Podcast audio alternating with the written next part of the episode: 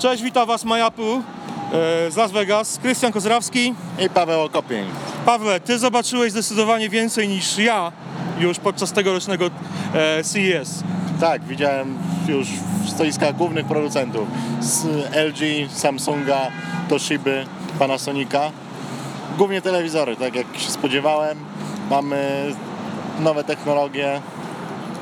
No i jest dużo jeszcze o internecie rzeczy mowa i urządzeniach noszonych. Co, co z tych rzeczy naj, naj, naj, zwróciło Twoją uwagę najbardziej? Znaczy, mnie jednak telewizory jarają, więc jest, jest fajnie. Są duże rozmiary, się wy- wyginają telewizory i jest y, dużo treści też na tych telewizory oraz nowe systemy. Samsung ma Tizena, Panasonic ma Firefoxa. A z Internet of Things, co Twoją uwagę największą zwróciło? No, tutaj Samsung ogłosił, że będzie rozwijał to, ten internet rzeczy. Od, do 2017 mają mieć 90% urządzeń działających, jak gdyby komunikujących się z sobą, a od, 2000 w ciągu 5 lat mają wszystkie urządzenia już się komunikować ze sobą z Samsungiem. Ma być to otwarty standard. Ciekawe, czy inni producenci rzeczywiście w to wejdą. To jest interesujące. Moją uwagę zwrócił znowu, nie wiem czy widziałeś tego Jaguara z systemem Intela. E, samochód Jaguar. Przechodziłem obok niego. Przechodziłeś obok niego. E, System kontroli e, nie tylko jazdy samochodu, opierając się na tym, na kontroli tego, co, e, co widzi kierowca.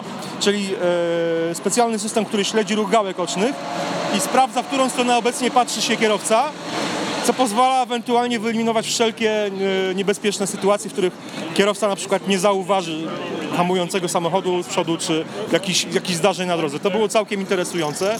Moją uwagę znowu z e, e, tego pierwszego dnia, w zasadzie no, kawałek tego, co widziałem, zwrócił uwagę mm, aparat Polaroida, czyli ten Instamatic, czyli to, o czym już od dawna się mówiło, że Polaroid to wprowadzi, czyli aparat fotograficzny, który wygląda jak, jak ikona Instagrama, zbudowaną drukarką, pozwalający na automatyczne, szybkie drukowanie zdjęć. Polaroid jest taki rozdrobniony trochę. Nie? Tak, no właśnie. Oni tak wszystko już robią w tej chwili. Znaczy, no problem jest to taki, że, że firma Polaroid jest teraz tak naprawdę już tylko i wyłącznie marką i e, ta kamera Instamatic to jest to, co zwraca uwagę, a to, co mnie osobiście no, dość mocno e, rozczarowało, rozczarowało to może ze słowa, ale raczej zasmuciło. To, co się z tą marką zrobiło, to e, wysyp wszelkiego rodzaju smartfonów i tabletów na Androidzie. Oczywiście nie chodzi o to, że to jest na Androidzie, tylko, że jest to produkt ewidentnie pochodzący z Dalekiego Wschodu. Tak.